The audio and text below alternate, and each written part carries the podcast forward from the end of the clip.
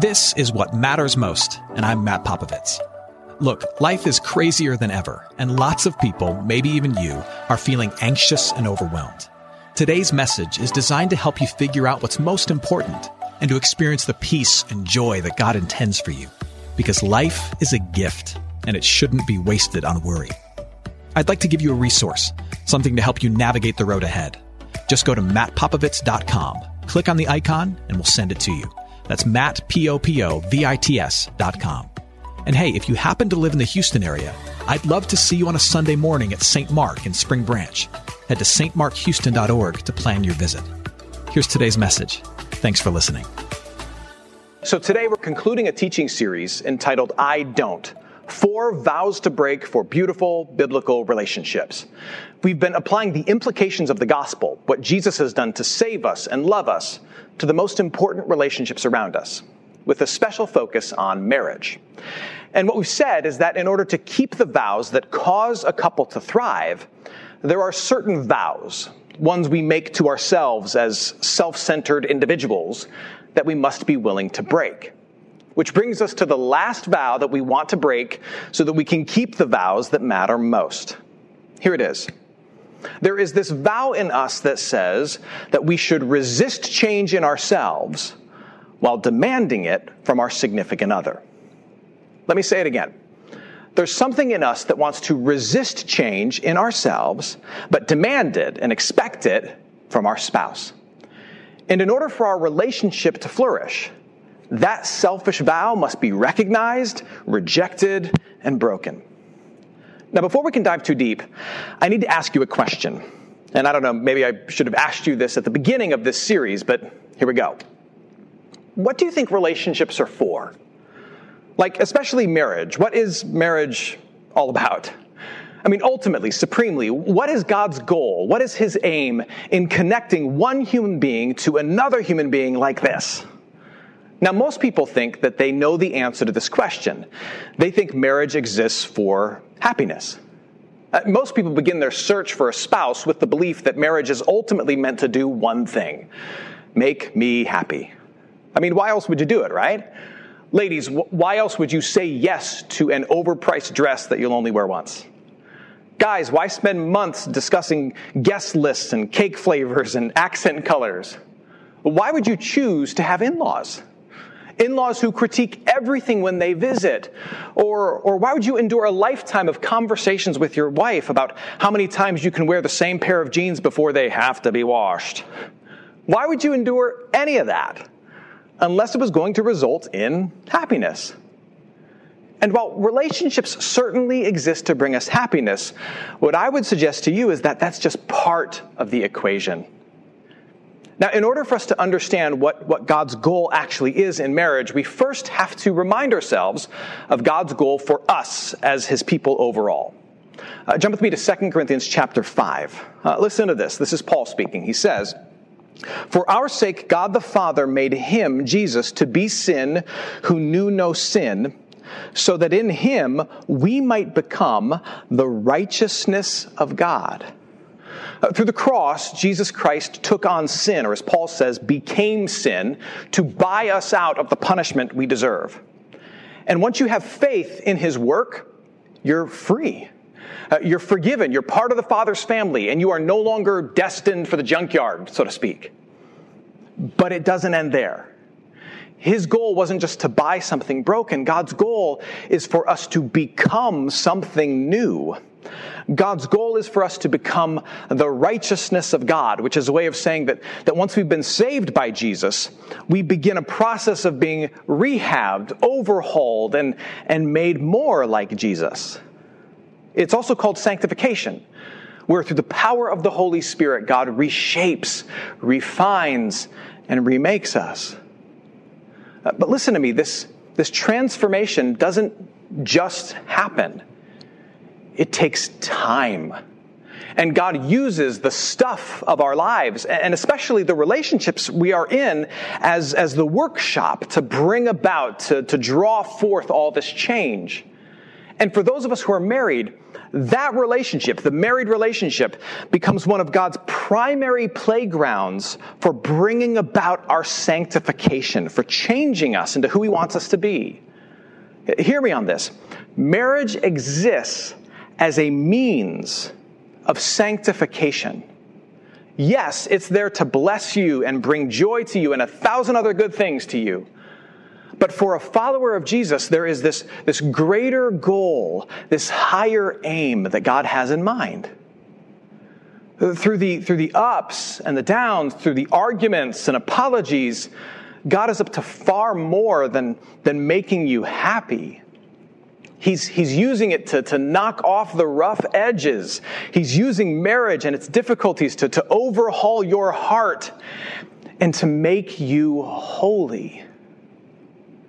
Uh, marriage is about one saved but supremely broken person helping another saved but supremely broken person become who God made them to be. That's what it's about. And if you fail to grasp that, then some really frustrating things can happen in your marriage. If you fail to grasp that, you, you may fall into the trap of setting the expectations for your spouse way too high, thinking that you've married someone who's only mildly messed up. And then once you're married and the masks are off, you become deeply disappointed, wondering if this spouse that you've committed to came with a receipt. I see it in premarital counseling all the time.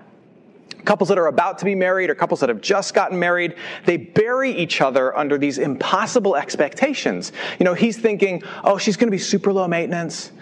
She's going to be just like she was when I was dating her. She's going to love loving me, if you know what I mean.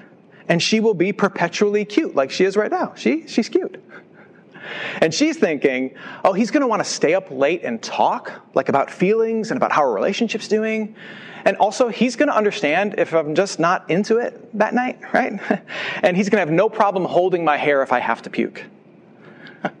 right. Fast forward a few years, and while they love each other, they're now a bit disillusioned due to the selfishness and the humanity that they have discovered in one another. And the amount of effort that it takes to make it work, the amount of immense effort it takes to just choose to love this other person each and every day. And you see, that's the moment. That's the moment when the old vow, that bad vow that we have to break, can start to rear its ugly head. You can become very defensive about all the issues that she sees in you yet legalistic about every problem in her that bothers you. Now, on the flip side, if in the beginning you grasp that marriage is about two supremely broken people working together to become holy, things are different. It, it, means you enter the relationship with a solid expectation of discovering deep imperfection Think about it. If marriage is a playground for us together to become like Jesus, then you should not be surprised when you discover that the person you're married to is in desperate need of Jesus. Now, I say that with a few words of caution in mind. Uh, first, it, it, doesn't mean that any issue you discover in your spouse, any issue at all, is something that you just have to love them through or help them through. Uh, no, in, in cases of abuse or infidelity, the best way to love them may be to leave them so that they can no longer sin against you. Uh, likewise, this does not mean that you get to purposely marry someone that you know has some serious problems or who you know is, is not on the same page with you on some serious foundational things and then see them as this project you get to work on. Uh, no, just because marriage is a playground for sanctification, it doesn't mean that you have to put up with mistreatment, and it is not license to be foolish. Now, once we have all that straight, that, that we shouldn't be surprised by the sin of our spouse and that God wants to use us to slowly but surely change one another, then, then we're on the right track. But now the question becomes this How in the world do you do that? How do I help the other person change? Jump with me to Ephesians chapter 5. Uh, in this section of Scripture, Paul is speaking directly to husbands, but it applies to wives as well.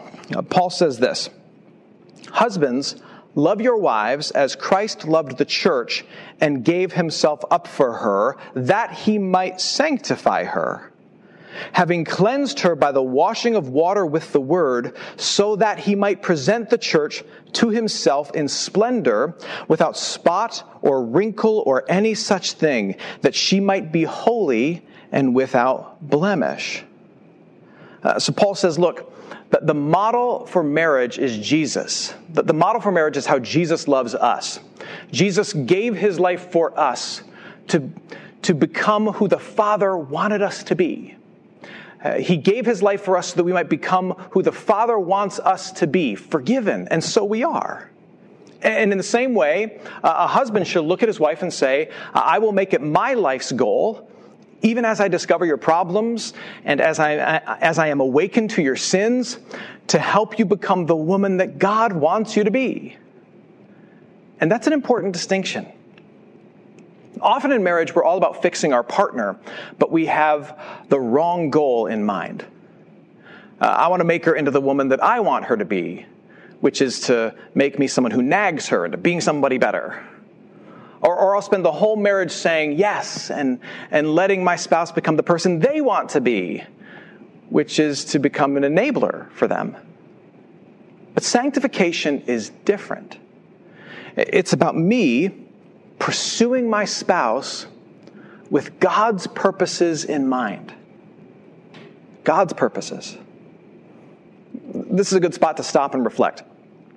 If you're married, answer this question do you tend to be someone who nags, who enables, or do you consider yourself one who helps, helps to sanctify? Do you tend to, to gripe at them about how they fail to meet your vision for a spouse? Or are you a, a yes man, a, a yes girl? Uh, do you wrongly mistake loving someone for always making peace and giving into someone?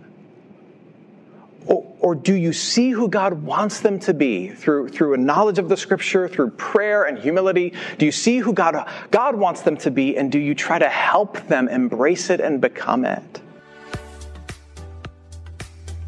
I hope you're enjoying today's message. For more of what matters most, you can head to mattpopovits.com. There you'll find other messages. You can support this ministry as well as access your free gift. Oh, and if you're looking for a local church and you live in Houston, come and see what's happening at St. Mark Houston. To plan your visit, head to stmarkhouston.org. Thanks for listening, and back to today's message. I mean, th- this may be the first you're hearing of this, but, but did you know that God has great things in mind for your spouse? He does.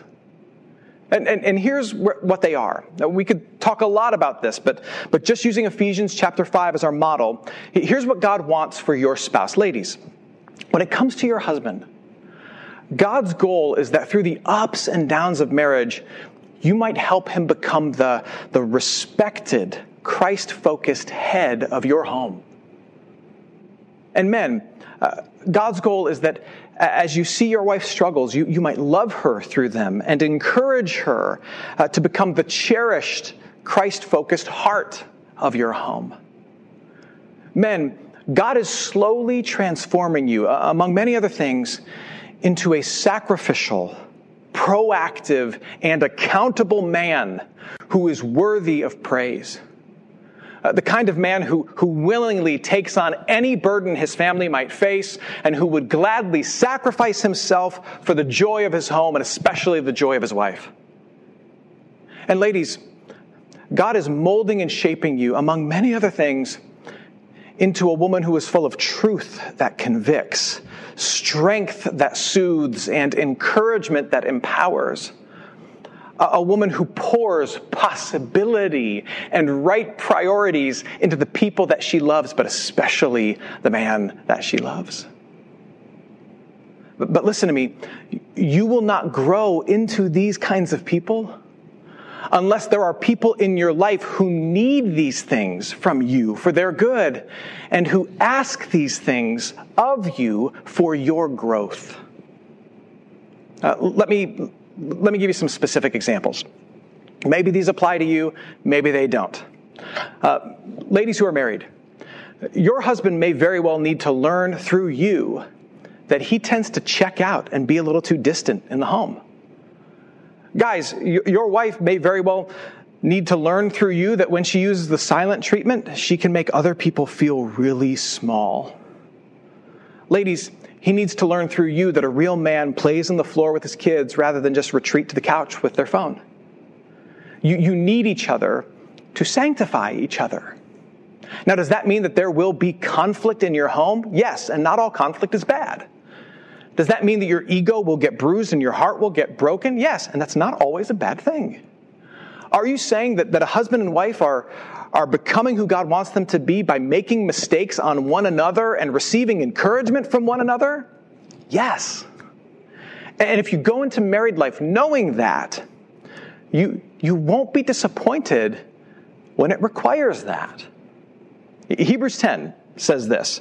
Hebrews 10 says that Christians should provoke each other toward love and goodness. I love that word, provoke. And we should exhort each other daily, lest you become hardened by the deceitfulness of sin.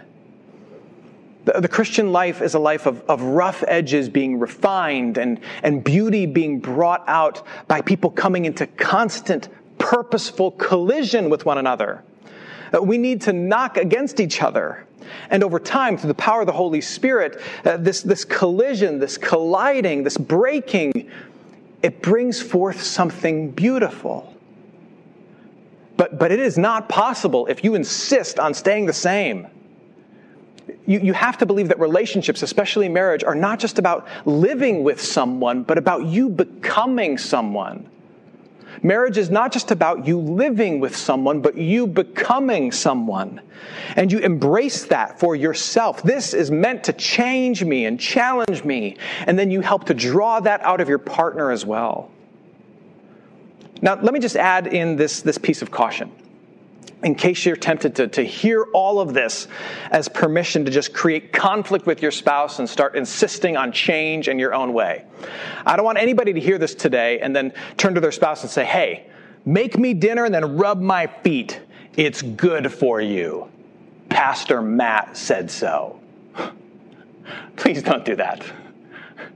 You, you see, while God determines the goal for your spouse, who he wants this person to become, your spouse gets to determine the means. Your spouse gets to determine how to help them become that person, how best to change, challenge, and grow them. Uh, take a look again at Ephesians 5, this time at verse 33. Paul ends his section on husbands and wives with an exhortation. He says this However, let each one of you love his wife as himself, and let the wife see that she respects her husband. In other words, God's goal is for you to help your wife become a more, a more cherished, lovable woman and for your husband to become a more respectable, praiseworthy man. But you must help them, hear me on this, you must help them in ways that they say make them feel loved and respected. Otherwise, you're just going to crush their spirit and they will never respond in your marriage, you need to have discussions about how the other person needs to receive critique in order for them to actually hear it and accept it and want to apply it. Have you ever had that discussion? You need to ask your bride what makes her feel cherished. You need to ask your groom what makes him feel respected and what could fuel them, motivate them toward greater involvement, engagement, and participation in the marriage. Have you had those conversations? Ladies, ask ask and then do the things that make him feel like he's king of the world. I, know this may seem strange and stupid to you, but you should ask him these things. And, and you might find that the things he suggests, the things that really empower him and inspire him, seem small and strange. He might say, Hey, I love it when you when you make my coffee in the morning too, when you're making yours, and when you're willing to flirt with me on text while I'm at work. And also, ladies, when you fight with him, be truthful with him, but, but never belittle him. Guys, you need to ask You need to ask and then do the things that she says makes her feel lovely, that, that reinforce the truth in her heart that she's safe with you, that she matters to you, that she is a cherished priority to you. Ask what those things are. And again, the things that she likes might seem strange to you, but, but it's what she likes. She might say, Oh, I love it. I love it when you, when you load the dishwasher the right way. Or when you invite me to go for a walk after dinner or she might say, I love it when you lean in and you whisper those seven special words that I love to hear. Let me put the kids to bed. And when you fight with her, guys, when you fight with her, never say anything to devalue her or to take a sense of security away from her. Now, what's so amazing about this is that when you are willing to serve each other and let the other person determine the motivations for sanctification, we gain momentum and joy in the process of sanctification.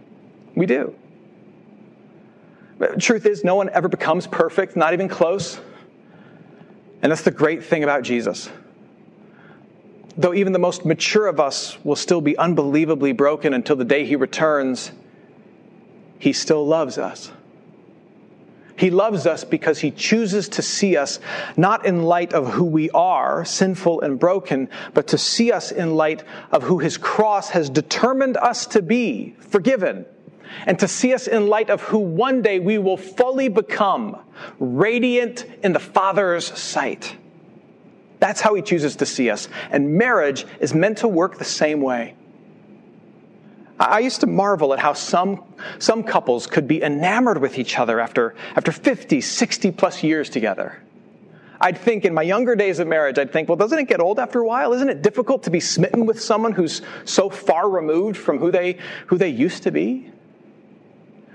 And then eventually, it hit me. When you see an older couple holding hands and sharing a smile, it's, it's not because he's thinking back to who she used to be or, or, he's, or she's thinking back to who he used to be when, when, when passions were higher and bodies were smaller. No, it's because he's, he's not seeing her in light of who she was. He's smitten with who, after all these years, she is still becoming. Because after all, marriage is not about simply being with someone, it's about becoming someone and then choosing to love who that person becomes. Be realistic about the sins of your spouse. Love them in ways that meet their needs and makes them better. And be willing to receive love from them that does the same. Don't resist change. And choose to see not only the person who they are today, but the person who, by the power of God and the persistence of a friend, they are becoming. Amen. Let's pray. Heavenly Father, in this series, we have been reminded of the fact that, that relationships are important. In particular, this, rela- this married relationship is, is of incredible importance, but it is unbelievably difficult, beautiful, beyond compare, but difficult as well. Father, help us to reject all the sinful, self centered impulses inside of us that compromise or undermine the integrity of our relationships. Help us to break those old vows so that we can keep the vows that matter most. And Heavenly Father, we ask that you would allow us to be open to change in and through our marriages.